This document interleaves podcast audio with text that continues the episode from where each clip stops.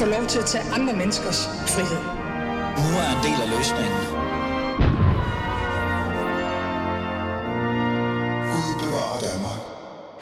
Burde de konservative have gået med i en regering, eller har de bare mistet deres værdikompas? Øh, Eller har de overhovedet nogle værdier? Jeg ved det virkelig ikke. Det skal vi finde ud af i dagens første afsnit af Fæderlandet. For det spørgsmål skal jeg jo ikke bare stille kun jer lyttere eller mig selv. Jeg skal faktisk også stille det i dag øh, to tidligere konservative medlemmer. Øh, for eksempel den tidligere konservative formand Lars Barfod og den tidligere konservative folketingsmedlem Katarina Amesbøl. De har nemlig valgt at forlade det konservative Folkeparti og melde sig ind i Lars Løkke Rasmussens Moderaterne. Men hvad er det egentlig, der sker? Er det værdipolitikken? Er det det personlige? Er det krige? Fløjkrige? Jeg ved det ikke. Det skal vi finde ud af i dagens øh, første time af Fæderlandet. Og du kan være med, som altid. Du kan skrive ind på 92 45 99 45, 92 45 99 45 og deltage i samtalen. Og til jer, der har allerede skrevet i kommentarfeltet på Facebook, I er jo selvfølgelig også med i den her samtale. Men samtale er netop det, vi skal have. Så lad os komme i gang med det.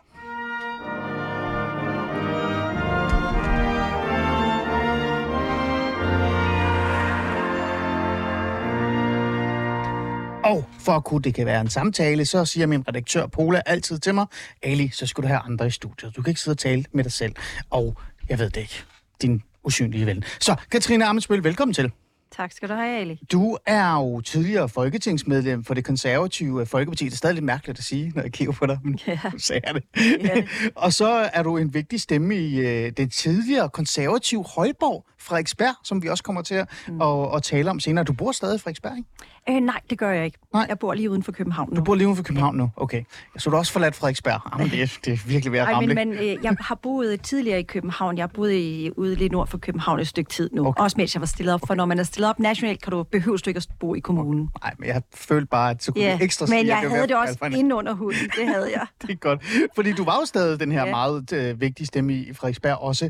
Øhm, Katrine Amesbøl, jeg sagde, at øh, i virkeligheden så øh, skal vi jo tale om mange forskellige ting, men det handler jo i bund og grund om to meget, meget, øh, hvad kan vi sige, øh, vigtige kan man godt bruge ordet, øh, medlem af det konservative Folkeparti har forladt partiet. Den ene er dig, den anden er også Lars Barfod. Lars Barfod er med i programmet, men han er blevet optaget dagen før, fordi han skulle på arbejde meget øh, øh, borgerligt, ikke, i virkeligheden. Øh, men, men derfor så er du jo sådan den, der kommer til at, øh, hvad kan jeg sige, trække det store lod her. Alligevel så har vi jo Lars med. Men jeg kunne ikke lade være med sådan et eller andet sted at, at finde ud af til at starte med. Virkelig sådan ligger det her konkrete øh, bund i forhold til vores samtale. Altså, hvad er det egentlig, der, der gør, at du forlader et parti, du har været så stor en del af? Du har jo nærmest siddet i, jeg kan jo sige, inderkredsen øh, Mm. på en måde op på Folketinget. Altså, øh, hvor var dråben, eller hvad var dråben, der gjorde det? Ja, det har jo netop været en, en, en lang proces. Jeg har været aktiv i, i ni år, og jeg har også siddet i kommunalbestyrelse i, i Gentofte. Og politik er jo sådan noget, man har under huden. Det er noget, man skal tro på, det er noget, man skal føle, for ellers kan du ikke stå op for det. Du kan ikke gå ud og kæmpe for det, du kan ikke mobilisere frivillige, mm. du kan ikke få stemmer, hvis det ikke virkelig er fuldstændig gennemsyret dig. Så derfor er det også øh, været en vanskelig beslutning, det skal jeg sige, og den har været lang tid undervejs. Det, der virkelig fik øh, dråben til det, eller i hvert fald gjorde, at jeg begyndte at gå i de overvejelser, altså det var valgkampen sidste år. Okay. Ja, øh, og det var, at partiet gik ud på topskat. Mm. De Ja. gik ud med det under sommergruppemødet, øh, og så kunne jeg se, at det var måske den vej, det gik. Mm. Og jeg forsøgte at få en dialog, og jeg skrev også til vores generalsekretær, jeg synes virkelig ikke, man skal gå ud på topskat. Mm. Det er meget snævert, og det er lidt tonedøvt i forhold til samfundet. Mm. Jeg var blandt andet energiordfører. Folk kunne ikke betale deres energiregninger. Der var energikrise. Der var st- store sundhedsproblemer, og særligt også uddannelse og børn. Det var ikke blevet styrket. Og så havde vi en krig i Ukraine. Vi havde rigtig meget, og vi havde også rigtig meget at gå imod den tidligere regering, der og mange ting, de ikke havde fået indfriet i forhold til deres papir. Ja. Øh, men altså det der, der synes jeg, at man blev kørt noget over, mm. og, man blev, og det er kørt hen, og man kunne bare se, det her, det kom simpelthen ikke til at gå. Lad os lige holde fast i det her med, at det var nærmest der, hvor øh, der var i hvert fald et par dråber, der faldt ned i den her kop kaffe, der, ja, der, der så stak af. Ikke? Øh, du siger, det er jo topskat, men Katrine Ammersbøl, jeg kan ikke lade være med at være lidt fræk, og så sige, jamen det er jo en klassiker for det konservative Folkeparti. Det er det der med, de altid mm. siger, at vi har nogle varer på hylderne, ikke? Ikke? og så har vi et lager. Det, det er en klassisk konservativ ting. Absolut. Ikke? Øh, og det lager, det kender jo de fleste, tror de. Men den her enkelte vare, som man så placerer allerhøjst og foran vinduet, topskatter, det, er da ikke, det kan da ikke være chokerende for dig. Nej, det er også derfor, den bare skulle ligge hjemme på lageret. Fordi alle ligesom ved, at det er noget, de konservative står for. Men mm. hvis man har et valgkamp, så er man virkelig nødt til at gå ud og se, hvad er det for nogle udfordringer, man står med, og hvordan vil man løse det. Mm. Og man kan sige, at foran til de udfordringer, vi står med, så løser i min optik, mm. det er i hvert fald ikke med topskat. Mm. Men jeg vil sige, altså det har jo været, jeg vil sige, det der ligesom er min konklusion, og det er jo så bare mig, det, Jeg skal ikke sige, at det er det rigtige, men det er sådan, som jeg oplever det. Men jeg ser jo ligesom, der er lidt to retninger, det er konservative, og det har nok altid lidt været. Der er den der mere liberale, nationalkonservative, der går meget ind for lov og orden og topskat, og er også sådan meget kritisk, måske lidt mere mod det, det internationale og, og den vej rundt. Og så er, vi, er der en anden fløj, som jeg klart tilhøjer, eller retning, som jeg klart tilhører, og det er den der pragmatiske, grønne, socialkonservative. Altså jeg er meget farvet af mm. Connie Hedegaard og Per Stig Møller. Det er sådan mine ikoner. Ja. Og, og der må man sige, at politik er meget personligt. Så det bliver jo præget af dem, som har sidder med roret, mm. og dem, der sidder i inderkredsen. Mm. Og hvis vi så ikke er så mange fra den grønne, pragmatiske, sociale, jamen så er det klart, så, øh, så får, får man ikke så meget indflydelse. Så kan det i hvert fald være sværere. Men jeg vil sige, at jeg har da forsøgt undervejs. Mm. Øh, du siger jo netop her, det siger du i hvert fald for få dage siden, at da jeg blev folketingsmedlem, troede jeg, at det var slut med fløjkrige internt i partiet. Men jeg ser vindene blæse en anden vej. Jeg tænker, det er det, du refererer til. Yeah. Så bliver jeg jo sådan lidt nysgerrig, fordi det er også noget, jeg har talt med Lars Barfod om. Det kommer vi ind på her senere. Men det her fløjkrige, der er internt i partiet, var det i Christiansborg, eller var det i baglandet? Nej, jeg vil sige, det er jo det, der, der er stor forskel mellem kommunerne mm. og Christiansborg. Altså, når man taler med borgmester, nu er jeg selv siddet der, der er man meget pragmatisk. Man arbejder på tværs, og man er der for borgerne. Det er det meget borgernære. Mm. Og der er en balance, fordi man også skal tage hånd om sundhed og uddannelse og det hele. Ja. Der har man hele paletten. Christiansborg, der udvikler man politikken og tankerne, og man gør det op imod, øh, hvad er det for nogle... Altså, og så kommer man jo med forslag helt ja. oppe i radaren. Så måske ikke så meget krig, men det er i hvert fald to retninger, som jo ikke rigtig får smeltet sammen. Mm.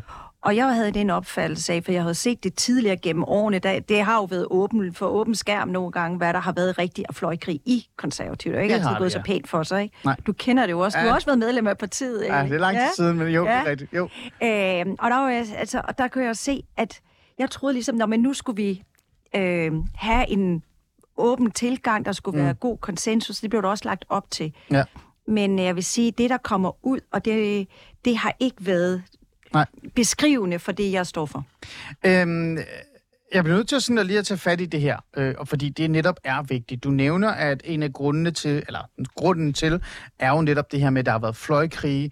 Øh, det har været svært at kunne se sig selv øh, øh, politisk i virkeligheden også, i forhold til, hvad, hvad der bliver lagt på hylderne. Øh, øh, men hvad med øh, den nuværende formand, Søren Pape Poulsen? Altså, når vi snakker om fløjkrig, og vi snakker om det politik, der bliver lagt på bordet, så er det jo dem, der kender konservativ Folkeparti, det tror jeg mange af vores lyttere gør, de er også selv konservative, tror jeg, så de ved jo godt, at det er temmelig topstyret. Det er jo ledelsen, der sidder på Christiansborg, som styrer partiet.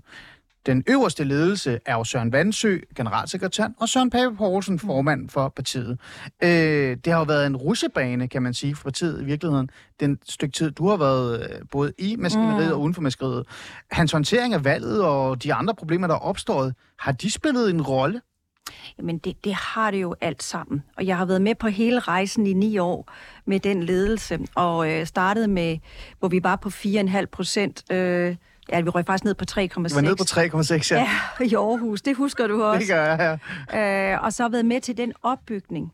Og øh, det er klart, når vores meningsmåling bliver ved med at gå frem, så har det jo også været lidt svært at sige, jamen jeg står for noget andet politik, fordi mm. det har jo virket, kan mm. man sige, et eller andet sted. Og vi stod til 16,5 procent for et år siden, ikke? Ja, det er Æh, Og det var det, vi skulle have, have trukket hjem, og ja. i dag står det til 4,5. Ja. Men det er jo ikke kun fordi, jeg er sådan opportunist at sige, nu, nu, øh, nu, nu, går, nu ser der ikke så mange perspektiver i det. Men jeg, de ting, jeg har stået for, og har jeg haft svært ved at komme igennem med. Og det tredje var, det var jo ligesom, ja. jeg stillede op tre gange, Ingen af gangene har jeg brugt øh, partiets valgkampagne. Mm. Lad mig lige holde fast. Det kan jeg ja. godt følge dig i, og, jeg er med på, at du har været på denne rejse. Men, men det vigtige for mig, og det er jo det, der spørgsmålet er, det er, har Søren Pape Poulsen som formand spillede en rolle i, i din, din valg. Jeg tror ikke, du er opportunist. Jeg anser dig ikke som en opportunist og tænker, nu skifter du over til Moderaterne, for du tror, der er en større chance for at blive folkevalgt. Det kommer vi vente på senere mm. i forhold til det. Mm. Men du siger klart og tydeligt til mig, du kunne ikke se dig øh, selv i politikken. Du kunne ikke se dig selv i det, der bliver fremlagt. Søren Pape Poulsen er formand for det konservative Folkeparti. Det var han også for et år siden. Det er han også nu. Det går ikke særlig godt. Var han... Spillede han en rolle? Jamen det er klart, man kan jo aldrig adskille det helt ad person og politikken, for det, som du siger, det går jo igennem ledelsen og topledelsen. Jeg, jeg sad ikke med i den inder, inder, inderkreds af den ledelse. Nej, det er der også kun tre, der gør. Ja, nærmest. der er meget få, ikke? Og så ja. var der et politisk det topsekretariat, der sidder der. Ja. Øh, og det er klart, de har taget nogle strategiske beslutninger om, hvor de går hen af. Og det er jo, hvad de tror er det vigtige, mm. vigtigste. Men det men det er bare ikke der, jeg står. Altså, jeg stillede mm. spørgsmålstegn til valgkampen i 2019, hvorfor klima og grøn omstilling ikke var med. Ja, jeg tænker konkret, for ja, eksempel som et eksempel. det var det, og det, vi fik fremlagt kampagnen, og så stod der grøn, og så spurgte jeg, hvor grøn omstilling og ja, hvor, klima... hvor blev den af? Jamen, det var jo ikke så vigtigt, det var ikke rigtig vores vælger, så det var ikke et eksempel på, mm. jeg gik bare ud så ud og kørte klima og grøn omstilling, og så blev jeg valgt. Ja. Øh, altså, jeg har gjort det, jeg troede på. Men når mm. du er valgt og sidder derinde, så er du nødt til at sige, okay, der er taget en beslutning, den må du rette ind efter. Mm. Og det er jo lige netop det der med ret ind efter det, ikke? og jeg bliver nødt til at holde fast i det, fordi det giver god mening i forhold til den rejse, du har været på, og fordi du vælger jo øh, Lars Løkke Rasmussen og Moderaterne til. Mm. Og du er også lige konkret øh, i forhold til det der med, for eksempel var der den grønne omstilling. Det blev også fremlagt som en af konservative Folkeparti's store visioner, og så røg den nærmest i skraldespanden, det er min øh, analyse, øh, fordi at, nå ja, det ved vi ikke, hvad vi skal bruge til. Men det er jo igen Søren Pape Poulsen og øh, ledelsen, der tager de her beslutninger. Jeg får helt lyst til at øh, spørge dig, har du siddet på et tidspunkt og også tænkt, jamen Søren Pape Poulsen er bare ikke den rette mand til at styre det her parti. Derfor så vælger jeg Lars Løkke Rasmussen til i et andet projekt. Ved du hvad, jeg vil ikke øh, være dommer over, hvad, hvad hverken Søren Pape Poulsen og de øvrige synes er det rigtige. De har deres overbevisning. Det er der også andre, der har i ja. på højrefløjen. Altså, det er jo ikke, de står jo ikke alene. Nej. Øh, bestemt ikke. Og når de mener, det er det rigtige, og har deres perspektiver, jamen, det har jeg da stor respekt for, hvis de mener det. Jeg mener bare noget andet. Mm, ja. og, øh, og nu blev jeg så heller ikke øh, valgt. Altså, vi røg jo ned, øh, må man sige. Det var, det var som at løbe... Røg ned ad trapperne. Ja, det gjorde vi. Det var, det var som at løbe op ad bakke imod ja. der i efteråret sidste ja. år. Ikke? Jo. Det helt kulmineret. Ikke? Ja. Øhm, og der var, det var også et godt tidspunkt så at stoppe op, og så kigge tilbage, og så bare også prøve at se mm. fremad, og hvad det er, jeg savnet. Mm. Og så prøve at få det der værdipolitiske kompas til at ramme det, mm. så vi får en ordentlig ramme, så når folk, hvis du går ud på gaden og spørger, hvad står de konservative for? Ja. Jeg tror ikke, der er ret mange, der helt kan sige det. Jeg mm. tror, mange vil sige noget med netop topskat, og måske noget med lov og orden. Mm. Men jeg tror ikke, mange vil sige klima og grøn omstilling, udenrigs- og sikkerhedspolitik, måske, jo måske forsvar noget, ja. men, og heller ikke børn og unges øh, uddannelse og trivsel. Mm. De ting, som jeg virkelig brænder for. Mm. Vi skal videre, vi skal ikke dvæle så meget i det her, for jeg synes, du har svaret på, på den måde, du gerne vil, øh, meget diplomatisk i virkeligheden, selvom jeg har presset dig lidt. Men alligevel så kan jeg lige øh, her til sidst bare lige øh, øh, hoppe på den her, før vi går videre til, hvad Lars, Brod, Lars Barfod egentlig har haft af, af hvad hedder det, refleksioner i forhold til det så synes jeg jo bare stadig det her med, at nu forlader du et parti, øh, som du ikke kan se dig selv ideologisk i, men også et parti, jeg kan mærke og føle på dig, øh, ikke rigtig lyttede til dig. I hvert fald ikke øh, den øverste kreds. Øh, så jeg får jo et eller andet sted lyst til at spørge sådan, øh, tror du, at, øh, at Konservativ Folkeparti med Søren Pape Poulsen i spidsen kommer til at kunne løfte sig igen, eller er det her en nedadgående spiral med altså undskyld, jeg siger det, Katrine Ambesbøl, der er jo mange sager nu, ikke? Øh, hans egen private håndtering af, ja, hans håndtering af hans egen private sager, det klarer sig okay. Øh, valgkampen, der ikke gik særlig godt. Øh, nu er der Pernille Weiss situationen, Europaparlamentskandidaten. Øh, det bliver jo bare ved og ved og ved og ved. Øh, tror du, Søren Pape Poulsen kan løfte det her parti, eller skal de videre? Hvad, hvad, hvad tænker du? Du må have haft nogle refleksioner. Ja, man har selvfølgelig refleksioner over det. Øh, altså, hvis det var en privat virksomhed, og, og man har haft sådan en udvikling med de former for både øh, vækstrate og fald, så vil man selvfølgelig nok overveje, øh, hvem der sidder ved roret. Mm. Politik er bare lidt noget andet. Og det, som er, jeg, jeg synes har været meget positivt nu, det er, at vi har været en gruppe, der har været med til også at komme ind med forslag om, at man skulle lave ny politik med baglandet. Mm. Og det er en proces, der er i gang. Ja. Så det kommer an på, hvornår får de lavet det færdigt. Kommer der nogle gode nye udspil? øh, sker der, der, der er jo brug for noget nyt. Ja. Øh, så hvornår der kommer nye varer på hylderne, og ja. hvordan de bliver formuleret, altså det tror jeg er ret afgørende. Mm. Og hvis der kommer noget godt og noget andet, og de kan jo bruge den flanke, og der er noget uro i venstre, og der er selvfølgelig være, det vandopslag, kan- ja. så kan det godt være, at de kan gå ind og, og, og, og tage noget der. Mm. Det er Ja. godt ikke. Du kan godt være lidt politisk analyse, analytiker nu, ikke? Du er ude af det, ikke? Så Det er jo kan lidt sjovt, fordi man er lidt ude af Ja, det. så kan du godt være lidt Og- analytisk. og, øh, men, men så vil jeg gerne igen, nu ja. spørger dig lige. Det er frækt, men jeg spørger dig alligevel, fordi vi skal videre til Lars Barfods uh, svar Ja. her. Er Søren Pape Poulsen så den, ret, den rette formand for konservativ? Med din viden, med din baggrundsviden, med dine erfaringer. Jeg synes ikke, det er kritik af ham, hvis du ærligt siger ja eller nej, øh, eller eventuelt for i virkeligheden nej. Øh, synes du, han er den rette? Jeg kan godt høre, at du gerne vil presse mig til at sige noget helt øh, konkret om, øh, om Søren. fordi- Og jeg har det jo godt med, men jeg skal sige, jeg har det jo også godt med de folk. Det er jo ikke Det sådan, at man er ikke- uvenner og smækker med det døren. handler jo ikke om personen, måde, det handler vel? ikke om Nej, mennesket, det er jo ikke privat. Det er jo her. det. Han er jo en meget fin fyr, Søren. Men det er Absolut. stadig formand for et parti, der går nedad. Et parti, du har forladt. Et parti, du ikke kan se, se, se dig selv i mere. Og et parti, som i virkeligheden ikke lytter heller til de, stærkeste stemmer. Søren hvert Poulsen, fald- er han det rette? De har i hvert fald valgt en- bare en anden retning, det vil jeg jo bare sige, og den tager jeg konsekvensen af, okay. i hvert fald ikke. Og den, og den retning, de tror på, det vil jo vise sig, men altså lige nu ser det jo ikke så godt ud i de meningsmålinger. Nej. Nej. Nej. Der er jo øh, landsråd lige om lidt. Der vil du Det er der. det, og der, det tror jeg bliver inter- interessant. Det bliver interessant. Ja. Det kan være, jeg skulle tage dig med. Så kunne du stå sammen med mig og lave en analyse.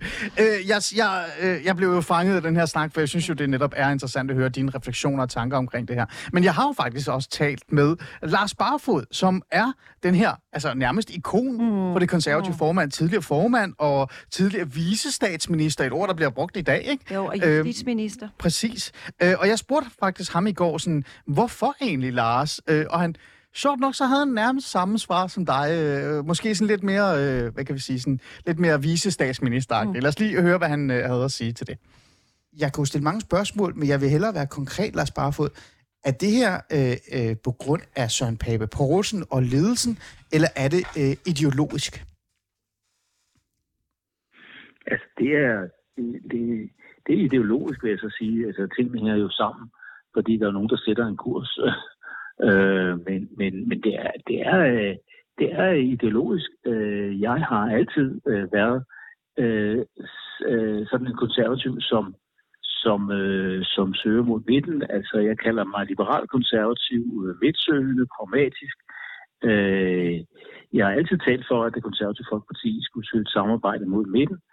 Og øh, der er andre øh, konservative, og det er, jo, det er jo lige så godt og i orden, øh, som ved sådan en mere, øh, nu siger jeg det sådan lidt, bruger nogle begreber, er lidt firkantet, men sådan øh, Ja. en mere højorienteret nationalkonservativ linje.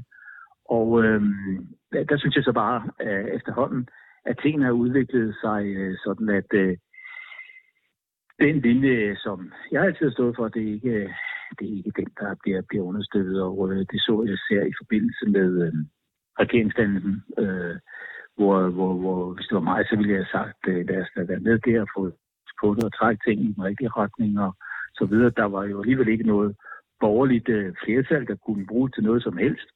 Så, øh, så lad os gøre det. Og det, det, det, det, gjorde man så ikke, og det er jo fair. Der øh, brokker man sådan set ikke over. Jeg noterer bare stille og roligt, at, at, at det sådan øh, var et godt eksempel også på, at, at jeg synes, tingene er gået den forkerte vej. Og så, så øh, var det, der fik øh, dråben, der fik bæret til at flyde over, som man siger. Det var så, at tingene på Frederiksberg også udviklede sig i en retning, som jeg ikke rigtig kunne se mig selv i længere, øh, efter der kom ny politisk ledelse øh, hos konservative øh, i byen øh, Frederiksberg. Ja. Og det var ligesom min sidste version, fordi du ved, der er det der Frederiksberg-konservatisme. Det var ligesom en slags konservatisme, som var mig, og den synes jeg ikke rigtig, jeg finder længere. Mm. Øh, du siger jo netop det her med, at øh, det er jo noget, du har tænkt over det her noget tid, det, siger, det har du også sagt her de sidste 24 timer, og man kan jo også øh, være sådan lidt øh, fræk i virkeligheden og så sige, det her det er jo også noget, du tænkte over for lang tid siden, øh, tilbage i 2011, da du talte med Margrethe Vestager, Ja. øh, altså tidligere leder af Radikal Venstre, omkring det her samarbejde mm. over midten. Så det her, det er jo ikke... Øh, Ja. i, I virkeligheden, hvis man kender dig godt politisk, så er det jo ikke særlig overraskende,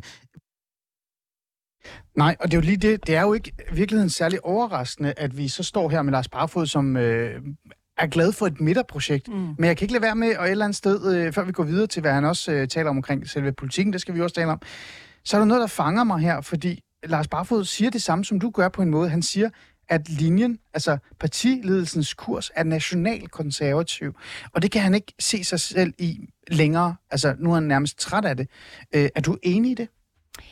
Ja, altså der er jeg jo på meget, jeg er meget på linje med Lars Barfod. Altså det er jeg. Jeg er jo også en midtersøgende og ikke så nationalkonservativ. Altså jeg er jo konservativ, jeg skal ikke have noget sådan foran. Og så har jeg jo, det er jo også kvæg min baggrund, at jeg har jo arbejdet i mange år for FN og været arbejdet ja. rundt omkring i, i verden.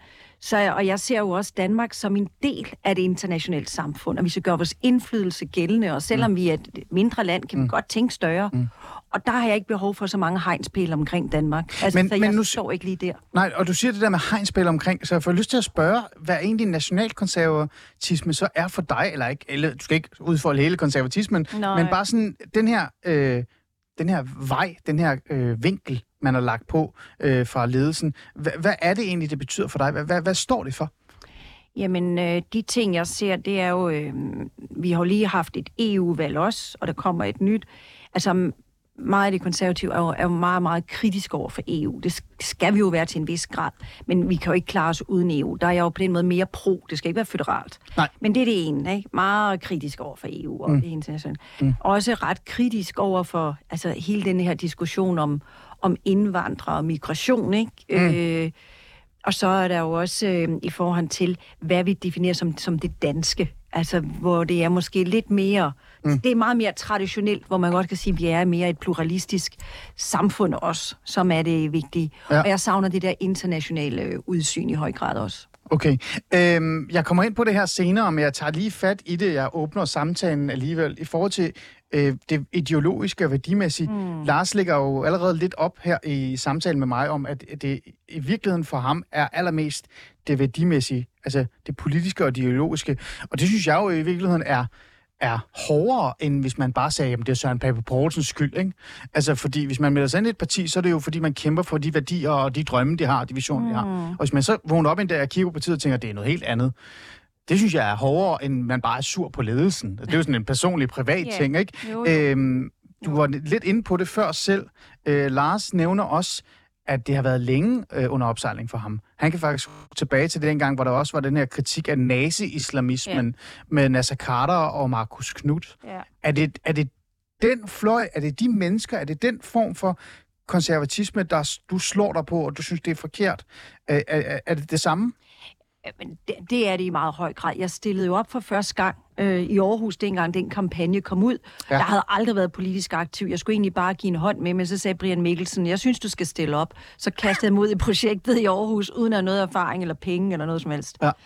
Men jeg var jo dybt overrasket den der kampagne. Ja. Og jeg skulle selv prøve at finde ud af, hvad var det konservative, men det var jo bare nej til alt. Ja. Ja. Og det, det var også en... Vi blev, hvad var det, du var overrasket over? Altså, var det, øh, jeg blev overrasket over, at man, kom ud med, altså, man ikke kom ud med, hvad er konservatismen? Hvad er det, man vil? Ja. Hvad er det for et samfund, man ser foran? Så hvad er det for et samfund, den konservative politik skal skabe? Ja. Men det var noget andet, man gjorde i stedet for? Der blev det nej, nej til, til det ene og det andet, og det var meget hårdt på udlænding, men det var jo nej til så mange ting. Øh, ja. Øh, til, og ja. det hed Stop tyven, og Stop det ene og det andet, ikke? Det var stop og, rigtig meget. Og der var det meget svært som mig, som ny folketingskandidat og ny ja. partiet, skulle prøve at forklare folk på gaden, hvad stod de konservative for. Det havde jeg selv svært ved. Ja, men det er jo noget tid siden. Øh, alligevel så er det sjovt, fordi det er jo det, Lars øh, Barfod nævner som en af de første skridt, eller de første dråber. Og det har virkelig sat sig i ham og finde stadig nu, og det er jo derfor også, øh, der er jo mange flere også grunde, øh, men som sagt, det er jo lang tid siden. Er det stadig det, du synes, der spørger stadig? Det der nej øh, i, i, mm. i ledelsen? Altså, den, den, den tog man vi lære af. Men det, der har jo været... Altså, der, hvor man adskiller sig ad, det er, at øh, i dag, som verden er, der har vi ikke brug for ekstremer. Mm. Vi har brug for at finde øh, løsninger på tværs. Og øh, vi står i en, en verden med mange komplekse udfordringer. Fremtidens velfærd, klima, ja. sikkerhed, andet. Vi har brug for dialog og partnerskaber, og være åbne og få, og få tænkt mm. nye tanker. Mm. Og det, det savner jeg. Jeg synes, det måske kører lidt i samme rille der med, med topskat og straf. Og det er ja. også vigtigt selvfølgelig, at vi stopper kriminalitet. Men der skal jo også være balancen. Man skal mm. også forebyggelsen. Og det er den balance, jeg savner. Mm. Og den balance øh, er jo måske så at finde i midten. Og det er det, vi så skal tale om øh, øh nu. Ja.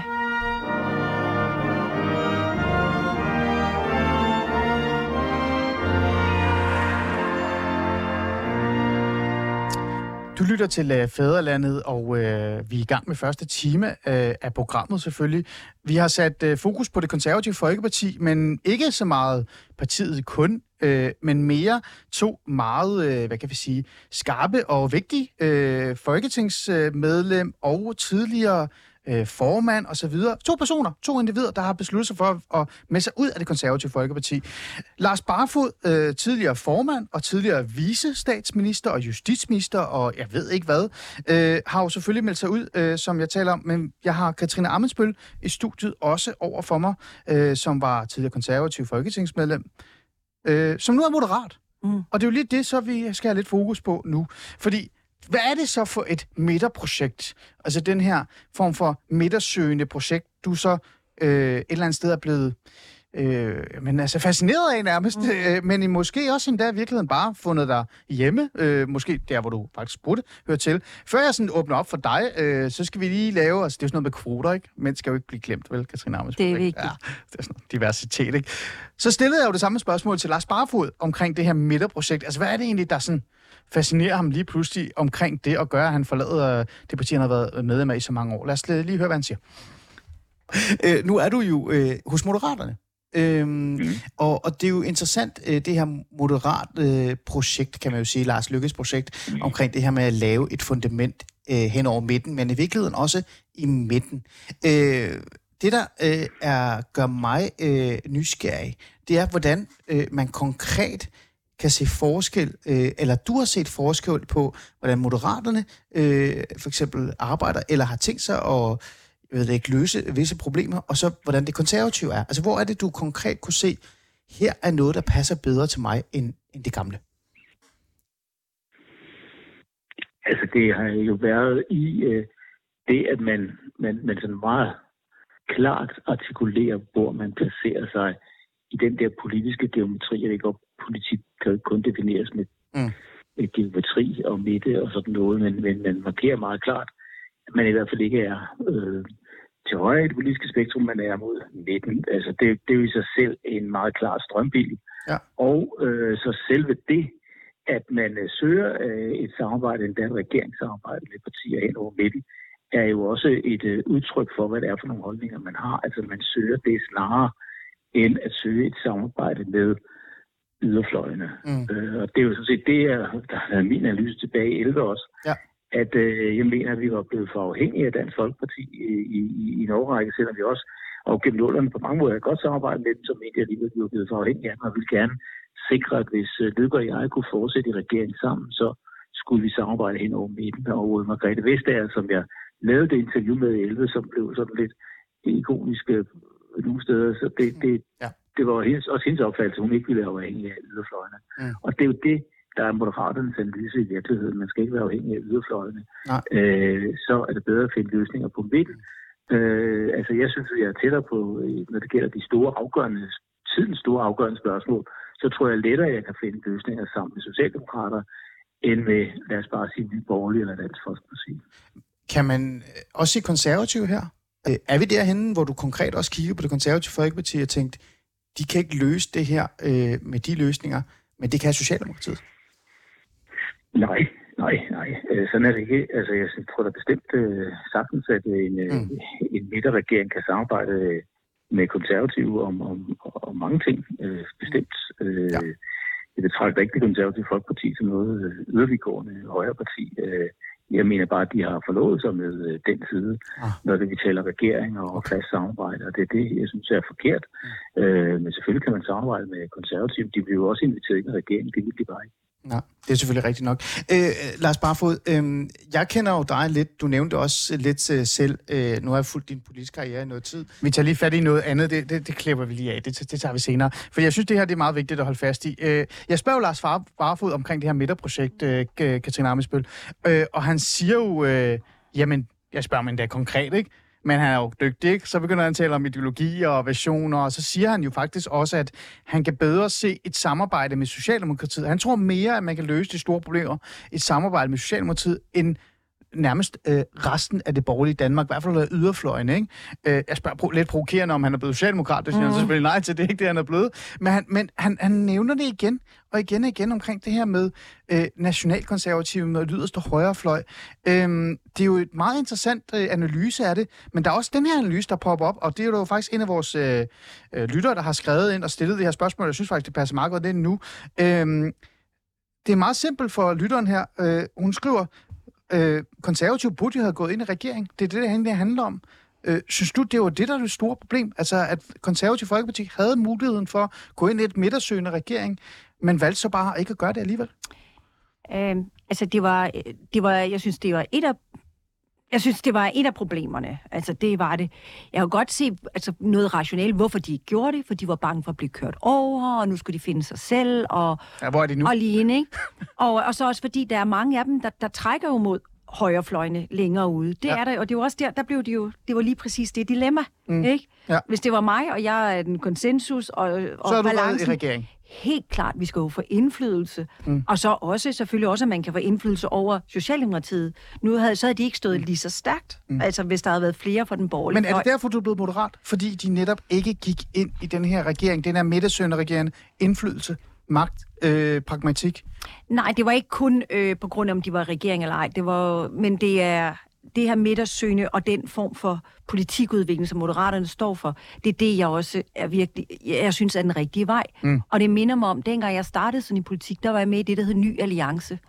Ja, og der sad jeg jo i hovedrep... Ja, ja, der sad jeg i, i, i, i bestyrelsen her i København. Ja. Men det var præcis det samme. Vi havde politisk dialog, lidt ligesom Moderaterne. Ja. Altså, man udviklede politik udefra ind, i stedet for, at det fra Christiansborg er indenfra ud og topstyres. Og ja. det var jo også det her med den, den tredje vej. Mm. Det har jo været en diskussion længe. Mm. Og så er det også for mig, at det er en måde at overvinde og bekæmpe populismen. Ja. Og vi har populismen på yderfløjene begge steder, og det mm. ser vi ikke bare i Danmark, ja. men i hele Europa og i resten af verden. Så derfor er midten og den her moderat øh, tænkning, det moderate projekt, det, den rigtige løsning eventuelt. Men hvis vi lige holder fast i, i regeringsdannelsen, mm. og så går vi hen i politik ja, lige om lidt. Øh, du sagde selv, du sad faktisk og håbede på, at det ville ske. Var der øh, en stor debat i det konservative Folkeparti omkring at gå ind i regeringen i baglandet? Du var jo i kontakt med baglandet. Ja, jamen det var der. Og der var rigtig mange, der syntes, de ikke skulle, fordi de tænkte, de ville blive kørt over. Øh, at de ikke ville få noget indflydelse med så få stemmer. Men altså, de var jo kun ligesom samme størrelse, som vi selv, som vi var tidligere. Ikke? Vi stod til 16, ikke? Med, mm. og vi var 16,5 procent, og vi lå jo inden der, så de var til en, jeg ved ikke, 25 mandat ja. eller noget. Ikke? Så det var panik, der gjorde det måske? jeg i tror, baglandet? Jeg, jeg tror, de var sådan, nu skal vi rejse os selv, og jeg tror også, mange var ikke øh, klar til, og de synes, det måske var for risikabelt at gå i, i regering mm. med, med Socialdemokratiet. Men også se, hvordan, altså undskyld, ja. men se, hvordan Ellemann og Venstre jo også har haft kæmpe udfordring, fordi de gjorde det. Ja. Så det er jo et stort skridt at tage. Absolut, absolut. Men så kunne man jo så være lidt fræk at sige, at analysen kunne også være, at uh, Jacob Ellemann uh, bare desværre er, har været ramt af nogle ærgerlige situationer, og måske også taget nogle dårlige beslutninger. Ikke? Det er lidt fræk sagt. Men, uh, men lad os lige holde fast i det der med... Uh, uh, at du faktisk gerne vil i regeringen. Og mm. der var også et bagland, der gerne ville. Det kan jeg huske, jeg tale med en del fra baglandet, der tænkte, ved du hvad, nu gør vi det. Ja. Godt være, vi fik et dårligt valg, men nu gør vi det, for vi skal have indflydelse der var konservative for passiv. Og de var nærmest, kan man jo sige, bange for højrefløjen. Var det mm. det, det, du så? Det, det tror jeg jo lidt, man var bange for. Det var også fordi, hvis man ikke har det der altså politiske kompas, ja. så, så snorer pilen jo bare rundt. Så er det svært at finde sin retning. Mm. Og netop når der er, kan man sige, de to, man kalder det fløje eller retninger, ja. og man ikke har fået ro på det, og hvad er det konservative projekt, så er det svært at finde et politisk fundament til at tage en beslutning. Tænker, var det seriøst det, der skete? Var det det, der skete efter valget? Stod det... ledelsen og, og de, de folkevalgte, der nu var kommet ind, stod de med deres øh, kompas og kiggede på den, og det hele snorede bare, de anede ikke, hvad de havde gang i. Det de mistede deres værdikompas. Det er, det er min analyse, at det har, har der ikke været. Det har aldrig været? Nej, det har der jo ikke rigtig været. Jeg kan jo bare se, at pilen snurrer mere og mere en retning, ikke? Jo, jo, jo. Men altså, så min optik, ja. synes jeg, at det, de skulle være gået ind. Ja. Ikke? Og det, øh, det har jeg også sagt. Jeg synes, vi går i regering, men jeg fik da også på øh, hatten af nogle af dem i baglandet, sagde, ej, det synes de virkelig ikke, og så bliver de kørt over, og vi skal stå for vores. Og, ja. Men man skal passe på, at man ikke bliver helligere end hellig, ikke? Jo, jo, jo, når man jo. står ved det her, og så ja. sige, ja. hvad er realiteterne? Ja. ja jeg bliver nødt til sådan et eller andet sted at få lidt timeline på det her, for jeg sidder og tænker, du kunne have forladt det før. Hvor lang tid føler du, at det her kompas forsvandt? Jamen, øh, det har det vel noget. Jeg synes, det har været lidt vanskeligt undervejs. Og så, men jeg var også ydmyg over for opgaven at sige, at jeg er jo ny i politik. Der er rigtig meget, man skal lære. Øh, jeg med skal ikke, jeg skal ikke bare komme og gøre mig klog. Men du er en erfaren øh, og, og, og meget politisk dygtig øh, kvinde, lad os være ærlige her. Du kan godt se, når et parti ikke har sit kompas på plads, eller der sidder folkevalgte og en, og en, og en, hvad hedder det, en formand, der øh, kigger til højre og venstre og ikke ved, hvad, hvad han skal synes i dag og i morgen. Hvor lang tid var det, øh, varede det? Hvornår startede det? Ej, jeg synes, det, jeg synes, det har været, altså de sidste, særligt de, de sidste par år, altså det var mere, et, ja, To år, lov- et år, tre år? Ja, et par år sådan Ja. i forhold til at, jeg kunne slet ikke se det her med, øh, med klima og den grønne omstilling, Nej, som jeg nej. synes bare er den største trussel, vi har lidt nu. Du har set den her sommer, hvordan det Ja. har været. Det kommer jo til at påvirke os alle sammen meget, meget høj grad, ikke? Jo. Og det, det var i hvert fald en vigtig, vigtig sag, som er, vi skal tage fat på. Og så også vores børn og unge og mm. uddannelse mm. og de kompetencer, vi skal have til fremtiden. Det var i hvert fald nogle vigtige ting. Jeg ved godt, hvad Lars øh, Barfod øh, allermest øh, hvad hedder det, brænder for. Det er socialkonservatismen, mm. og det er at hjælpe øh, de, de svageste i samfundet, blandet sammen med en god bunk, øh, sund og fornuftig liberal politik, og en lille smule kaskatlevelser. Mm. Men lad mig tage fat i dig og det her med Moderaterprojekt. Så nu er du meldt dig ind i Lars Løkke Rasmussens Moderaterprojekt, og det er det, du satser på øh, at sørge for et eller andet sted at komme i mål med. Hvor meget, det finder vi ud af senere. Ja. Men lad os lige holde fast i politikken. Klima. Mm. Klimaspørgsmålet, Katrine Amesbøl, det fylder vanvittigt meget for dig. Tror du oprigtigt, konkret, at Moderaterne kan være med til at gøre øh, det bedre, end det konservative folkeparti kunne? Altså, det tror jeg, fordi dels så er det jo en del af deres partiprogram, og det står til at gå på tværs. Og så er der jo en, en stærk faglig profil i Lars Ågaard også, som minister. Mm. Så der er jo en, en faglig stærk person, der, der er ligesom headhunted til det her job. Mm. Ja. Men Lars Ågaard har jo også fået ekstremt meget kritik, fordi han netop gik ud og sagde, ja, vi skal redde klimaet, vi skal redde verden, men vi skal gøre det i et niveau eller et tempo, hvor vi alle kan følge med. Det skal være langsomt. Øh, Katrine Amesbøl, jeg ved godt, du kommer fra noget, der er måske mm. gået langsommere, Ja. men, men nu er du i Moderaterne. Det er, det er ikke særlig hurtig øh, plan, de har lagt foran sig. Nej, det er det jo ikke, og man kan jo ikke Så hvad tænker du om det? Det er der ikke... Det Når man melder være... sig ind i noget af partier, jeg tror aldrig, nogen er en til en 100% enige med, ligegyldigt hvilket parti er. Men det er jo dit, det, er jo dit, ja. altså, Jeg det, det, du sige, brænder mest for. Han har jo også prøvet at træ, altså han har også forsøgt at trukke den i land. Ja. Men her vil jeg sige, der tror jeg virkelig, det er den socialdemokratiske indflydelse. For det er jo, jeg, kan- jeg synes, jeg kan genkende den der socialdemokratiske... Er det hockeystaven, du snakker om? Ja, ja, og det skal ikke være socialt skævt, og vi skal passe på, og Gud. vi skal have alle med, og det må ikke, og vi- nu må vi ikke gå det Ja, for hurtigt. ja. Men det haster jo, og du kan jo ikke, som politiker, så skal man tage upopulære beslutninger, og man skal gøre tro, tro nu, på dem. Nu vender jeg den om, fordi ja. Ja. jeg har lige været efter dig og sagt, at det ikke går hurtigt nok hos ja. Ja. Moderaterne, men man kan jo også sige, at det skal heller ikke gå for hurtigt. Altså 80 procent af befolkningen skal jo støtte den her grønne omstilling, øh, men rigtig mange af- de 80 procent, 90 procent, de kan miste deres arbejde, hvis det ikke bliver gjort ordentligt. Tror du, Moderaterne kan være med til at skabe den grønne omstilling på den rette måde, så den ikke kun favoriserer øh, de rige, øh, de store virksomheder, øh, men også de svageste? Tror du, det kan lade sig gøre? Altså, det, det tror jeg, fordi det er for også min tilgang til det. Det er jo, at det skal være meget en af meget erhvervsdrevet vej, at vi skal simpelthen lave den grønne omstilling ind igennem vores erhverv. Ja. Jeg tror ikke kun, som øh, nu har radikale lige lavet et klimaudspil, ikke? og det er lidt, bliver lidt de samme håndtag, man altid trækker på. Flere afgifter og flere afgifter. Ja, de er glade for afgifter. Ja, ikke? Og det, øh, det er jo ikke det, der kommer til at ændre det. Så kunne vi have gjort det for længst. Det kræver noget andet, og så skal vi jo have det samarbejde, og det er jo det, du skal have erhvervet, du skal have forskningen, du skal have den finansielle sektor med i det.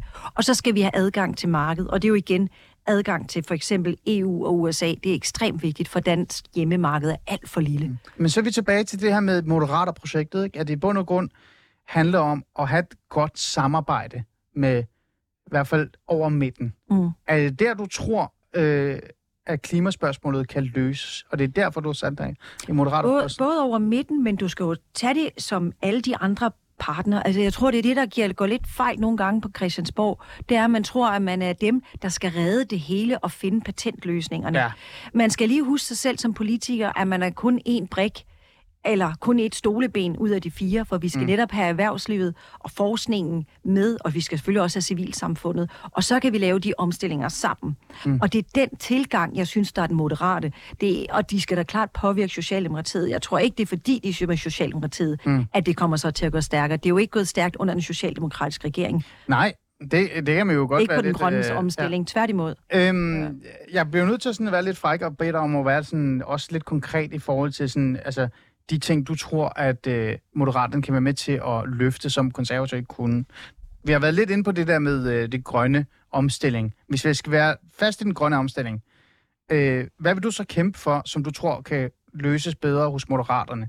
Altså er vi oppe på 90 procent, 70 procent mål, et eller andet øh, bedre, et eller andet. Hvad, hvad- har, du, har du en idé? Har du noget Nå- med? noget, noget helt konkret, jeg synes, Ja. der skal gøres, det er simpelthen for tempo på for udbygning af den vedvarende energi. Nå, og hvordan gør man det? Og det er, det er noget, jeg virkelig forsøgt at presse på hos den tidligere minister. Mm. Det er, at vi får lavet en strategisk plan for, hvor meget der skal udbygges, hvor og hvordan, og vi får vores erhvervsliv med, og vi får nogle ordentlige rammevilkår. Mm. Det har man jo forsøgt med den her, de her energiøer, ikke? Jo. Det har taget, jamen vi sad og forhandlede det i halvandet år, og nu har nu har regeringen skrottet dem, fordi de tænker, det bliver for dyrt. Ja. Det er jo den helt gale vej. Ja. Men, Men det er jo politisk- Moderaterne, der sidder regeringen. Politisk skal man sætte nogle mål, men så skal man lægge det ud til erhvervslivet og sige, ja. hvordan, hvad er jeres bud på det her? Mm.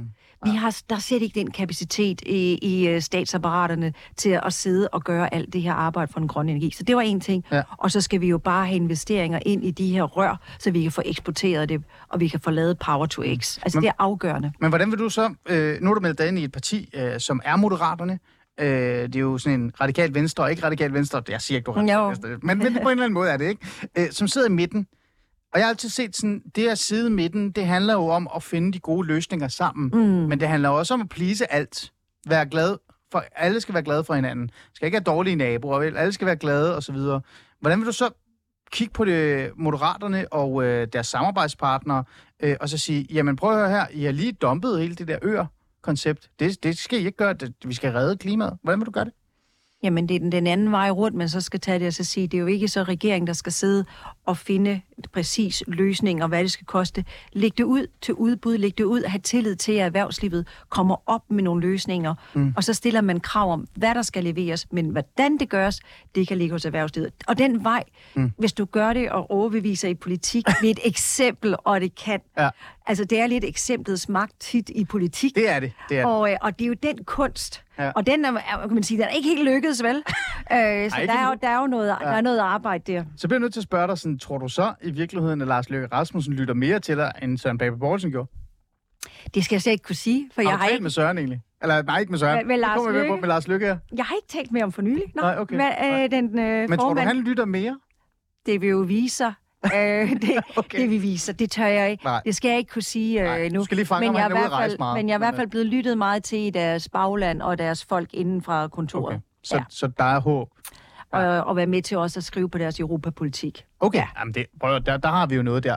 Øhm, øh, hvad hedder det? Vi skal jo også et eller andet sted lige høre, hvad øh, Lars Barfod vil kæmpe for. Fordi der er en af de ting, jeg synes, der er særlig interessant, det er det der med, øh, hvordan vil, han, vil man et eller andet sted gå ind i et moderaterprojekt, som står for meget reformer og øh, i virkeligheden sådan pragmatiske løsninger, og så kæmpe for de svageste i samfundet, den socialkonservative Mm. øh, tankegang, og om den måske bare ikke var nemmere at, at fikse den, øh, altså øh, når man var der øh, i konservativ folkeparti. Jeg skal lige få det her til at virke. Jeg skal lige finde om det er, det er, han lærte mig det, men jeg har glemt det allerede.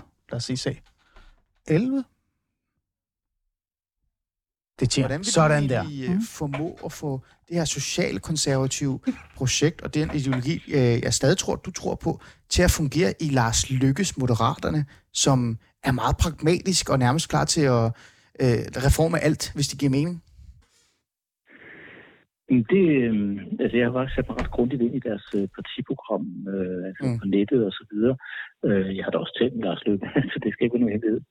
Ja. Øh, og andre for den sags skyld også. Øh, og øh, jeg synes, altså jeg har altid stået for det der med balance. Balance mellem øh, borger og stat. Balance mellem det, at vi har et markedsøkonomisk samfund, men der skal være plads til socialt ansvar osv. Mm. Og, og, og, og det er jo meget høj grad det sidste, der ligger i sådan forståelsen af det begreb socialkonservativ, det er, at man ønsker markedsøkonomi og ejendomsret, privat ejendomsret osv. osv., osv. Der skal være dynamik, det skal kunne betale sig at arbejde. Alle de ting kan du læse i Moderaternes, øh, på deres hjemmeside også. Mm. Men der skal også være socialt ansvar for dem, der ikke kan klare sig selv. Ja. Øh, det er bedst, hvis flest skal klare sig selv, men man har også et ansvar over for andre. Helt den balance, det, det, det, det har jeg, jeg har så prædiket øh, lige siden jeg var 17 år, ja. at den, den balance, jeg står for. Så jeg synes, at det i den grad passer ind øh, i Moderaternes øh, program, øh, at tale om, om de ting. Mm. Og øh, de er jo, øh, de, de taler, altså det er jo også meget konservativt nu. Kender vi begge to øh, Edmund Burke og den tankegang, han Ja. havde, som han var sådan en slags grundfader til, i hvert fald den nordeuropæiske konservatisme. Og øh, han talte lidt om det der med, ja, man skal forandre samfundet, man skal, øh, det skal udvikle sig, men man skal også holde fast i de værdier, der er. Det er jo det, der så er meget konservativt. Det er det der med, at vi skal hele tiden huske, at vi har nogle værdier, vi har bygget op. Øh, dem skal vi ikke miste, selvom vi skal udvikle samfundet, så skal vi huske at få de gode ting med. Mm. Øh, og hvis du ser regeringsprogrammet, så handler det meget om, at der er rigtig mange vigtige ting i det her samfund, som vi skal værne om. De er bare under pres, og derfor skal vi lave nogle reformer, for at vi kan sikre de værdier også fremover. Og som jeg skrev i en artikel, jeg havde i uh, Ræson, jeg tror i marts, Ja. øh, der, der refererede jeg lige præcis det. Ja. Og så sluttede med at sige, det er jo egentlig meget konservativt. Det er faktisk rigtigt. Ja. Øh, altså, han, han lægger jo nærmest op til, at øh, øh, moderaterne har noget konservatisme i sig også. Øhm, men nu kommer der i hvert fald to øh, stærke konservative øh, stemmer ind i moderaterne. Hvordan tror du, I vil blive modtaget, når, når Lars Barfod kommer ind med hans øh, socialkonservatisme og hans øh, kærlighed for liberalisme, men også bare generelt den her sådan lidt mere sådan, samarbejdsvillighed, som jeg tror, de godt kan genkende sig i. Men alligevel, det er jo socialkonservatisme. Og så sådan en som dig, øh, Katrine Amesbøl, med den der grønne klima øh, i hånden og bare råber, red planeten, red planeten, Lars Løkke Rasmussen. Hvordan tror du, I bliver taget imod? Øh, vil folk kigge på jer og tænke, ah, rolig nu, ikke? Altså. Det, det, kan, det kan jo godt være. Og man skal jo altid være lidt... Øh, lige øh, gå lidt varsom, når man træder ind ad en ny dør, ikke? Jo. Men øh, indtil videre er i hvert fald blevet modtaget godt, og der er rigtig meget af den, kon- det, det konservative i Moderaterne. Man skal også lige huske, at Moderaterne, som det navn er for partiet, det er faktisk søsterpartiet til det konservative i Sverige. Det er rigtigt. Så der Ja. er altså klart masser af konservatisme i det, og jeg ser også, at de, både konservative og moderaterne er venner. Mm. Og jeg håber, altså det, det er jo det, der er noget, klart noget værdifællesskab der, det er der. Mm. Men jeg er nu er min, øh, måske kan man sige, tålmodighed løbet lidt tør med det konservative og sige, Ja. der er altså en længere proces. Ja. Man kan godt gå ud og overvintre, men øh, det har jeg nok ikke lige tiden til nu, vel? Okay. Øh, nu skal der ske noget. Ja. Ja. Der er kommet et uh, spørgsmål fra Anders Nielsen uh, fra Aalborg, uh, en ivrig lytter af programmet, Anders. Altid tak, fordi du lytter med og kommer med, med spørgsmål. Når Lykke får uh, et job i udlandet, muligvis inden næste mm. valg, hvad vil hun så gøre? Melde sig ind i radikale? Ja, Øh, det er klart. Det er jo det. Det er jo elefanten i rummet, og det er jo også rigtig mange, der spørger til mig, ej, men hvorfor melder du dig ind, og hvad hvis nu Lars Lykke bliver EU-kommissær, og så er der ikke noget tilbage. og det er jo rigtigt. I dag er det jo meget personborne, ikke? Hvad er Liberal Alliance uden vandopslag, for eksempel, ikke? Jeg ved det ikke. Noget Eller, med altså, våben, tror jeg. Altså, det, det er jo det.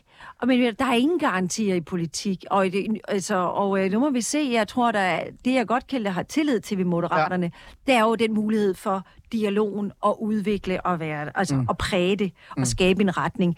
Men jeg håber selvfølgelig ikke, Lykke går tidligt, fordi Nej. så er der nok ikke så meget Så kritisk ikke det masse sidste- til at løfte, vel? Så er det ikke det sidste parti op, måske. Eller så bliver du og går efter formandskabet. Ved Ah, det, det, det kan jo godt være, at jeg skal sådan noget helt andet, jo. Men apropos det der med, øh, med, hvad man så skal have for en rolle. Nu har vi været forbi det, det personlige, øh, det ideologiske, det konkrete, så, godt, så konkret vi kan være, og clashet mellem det konservatisme og det her midterprojekt. Øhm, jeg er også lidt nysgerrig i forhold til, øh, hvilken rolle vil man egentlig spille. Jeg spurgte øh, øh, Lars Barfod, det er fint nok. Nu er du medlem af Moralerne, du har sagt, hvad det er, du står for osv. osv. Men hvad vil du egentlig derhen? Altså, vil du bare sidde tilbage øh, på sofaen og kigge på partiet, eller være mere aktiv? Lad os lige høre, hvad han siger. det her med, øh, nu når du er blevet en del af Moderaterne, øh, du har tidligere sagt, øh, hvad det så egentlig betyder. Altså, hvad betyder det egentlig for dig? Du har sagt, du er menig medlem, øh, og det er der, du er. Ja. Ja. Du har ikke tænkt dig at være på en eller anden måde kandidat, så vidt jeg forstår. Øh, Det ligger i hvert fald ikke i korten. Er det rigtigt forstået? det, det er rigtigt forstået, at det øh, har slet ikke været plan, min plan, at jeg skulle være andet end øh, medlem, måske aktiv medlem, hvis jeg kunne bidrage med noget, sådan politikudvikling eller et eller andet. Øh, men det har ikke Nej. været øh, min hensigt at øh, gå ind og altså gå ind i politik igen. Mm. Øh, det er fuldstændig rigtigt. Øh, Og så er nu, der trykker mig på maven og spørger, nej, hvad skulle du et eller andet? og så siger jeg bare, jamen, det- man kan da aldrig vide, hvad der lige pludselig sker. Ja. Øh, det er der jo ingen af os, der kan. Nej. Øh, nu render jeg rundt her. Nu snakker jeg med dig, og jeg har været en del af medier her de seneste dage. Så kan man da godt mærke, øh, den gamle cirkushest begynder at leve op igen. Det er jo egentlig meget sjovt at diskutere politik, men altså, Ja. det, er, det, det er ikke det, der har været intentionen med det. Det, det, har, Nej. det har det ikke været. Nej, jeg lagde også mærke til, at, øh, at øh, der hurtigt var et billede af Lars, Lars og Lars. Øh, jeg tror, det er Lars Løkke Rasmussen, selvfølgelig dig. Og så er Lars Aagaard. ja, Lars er Jeg tror, det er, ja, det er miljøminister, ikke? Klimaminister. Ja, miljøminister. Han er, Han er energi, han er energi- og klimaminister, ja. energi- og klimaminister. Jeg kan ikke finde rundt i det, hvordan de har sat det op. Men der og var jo Præcis. Men nu var der den her Lars, ja. Lars og Lars, og det så jo rigtig fint ud, Ja. og jeg stod og tænkte, Ja, ja. det kan godt være, at Lars Barfod måske kan kandidat i morgen, eller i år morgen, men hvis der er nogen, der kommer og, og, og trykker ham på maven og siger, hvad med et ministerie, øh, vil du så sige nej, Lars? Hvis du får det samme svar som øh, til alle mulige andre sådan nogle spørgsmål, altså, man kan aldrig vide, hvad der sker, øh, Ja. men det er ikke det, der er min, øh, min idé med det. Øh, men, men altså, så skulle jeg sige aldrig, aldrig, aldrig, og så øh, om fem år, så var der nogen, der sagde et eller andet, spurgte mig et eller andet, og siger, at det kunne være meget sjovt. Øh, og så kan du øh, sige, det var da enormt utroværdigt for fem år siden, da mit program han sagde, det ville han aldrig gøre.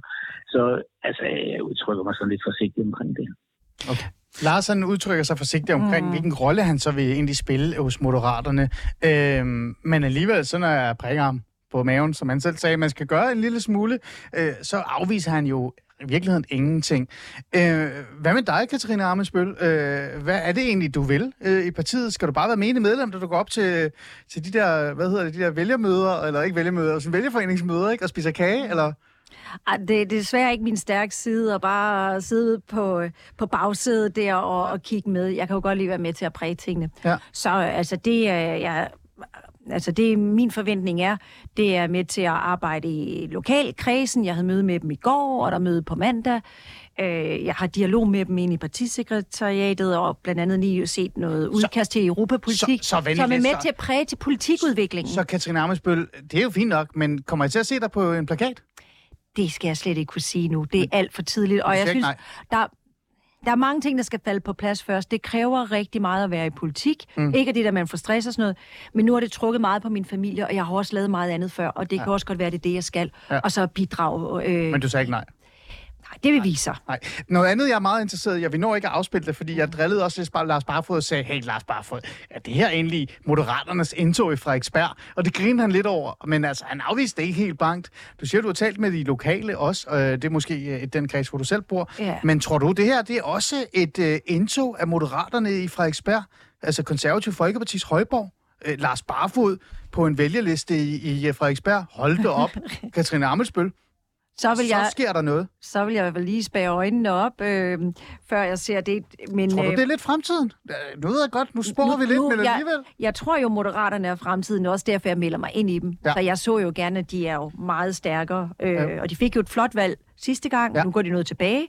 Men altså, det skulle, jeg tror, at der er fremtid. Det, det er overbevist om. Det, det har fundet ligesom tilgang til politik og nogle gode mærkesager. Så Frederiksberg kan ende med at være er, er lyseplut eller lilla? Det er lilla, ikke? Det er lilla, Ja. ja, ja. Det kan det godt blive. Der er nok noget vej. Der er nok noget vej nu. Men, Men, det du vil, så det dig? jeg synes, det fanger meget godt også den frederiksbergske socialkonservatisme, ikke? Ja, og det er nemlig lige det, der er det mest det jo. skræmmende, i hvert fald Men, øh, Folkeparti. Men de har et stærkt hold også på Frederiksberg, det har de, og en ny borgmesterkandidat, så mm. jeg tror, de kommer til at gøre det rigtig, rigtig godt på Frederiksberg. Sidste, sidste sekund. Øh, jeg spurgte Lars Barfod, om han har talt med Søren Pape, og sagde nej, hvorfor skulle han gøre det? Det er der ikke nogen grund til. Har du egentlig talt med Søren Pape Poulsen i forhold til dit exit? Ja, jeg har jeg informeret ham, inden jeg fortalte det mm. ud, altså til, ud på mine sociale medier. Også. Og intet ja, det andet? gør. Nej, og jeg har talt selvfølgelig med vælgerforeningsformænd og mange i mit bagland og informeret dem, fordi ja. der er ikke noget med at smække med døren. Vi er stadig gode venner, det håber jeg i hvert fald. Men nu er du videre. Ja. Nu er du videre. Katrine Amelsbøl, tusind tak, fordi du vil være med i dag og fortælle mig, hvorfor øh, du er flyttet, du er skiftet, og hvad egentlig er grunden til det, og hvad det er, du kæmper for. Og så selvfølgelig skal vi også lige sige tak til Lars Barfod for Ja. at kunne være med øh, i dag i dagens afsnit. Det bliver spændende at se, om vi kommer til at overtage øh, Frederiksberg. Det bliver spændende, og jeg fik aldrig spurgt dig, hvorfor meldte du dig ud, Ali? Det ja. må være et andet program. Jeg trak det ud. Ja.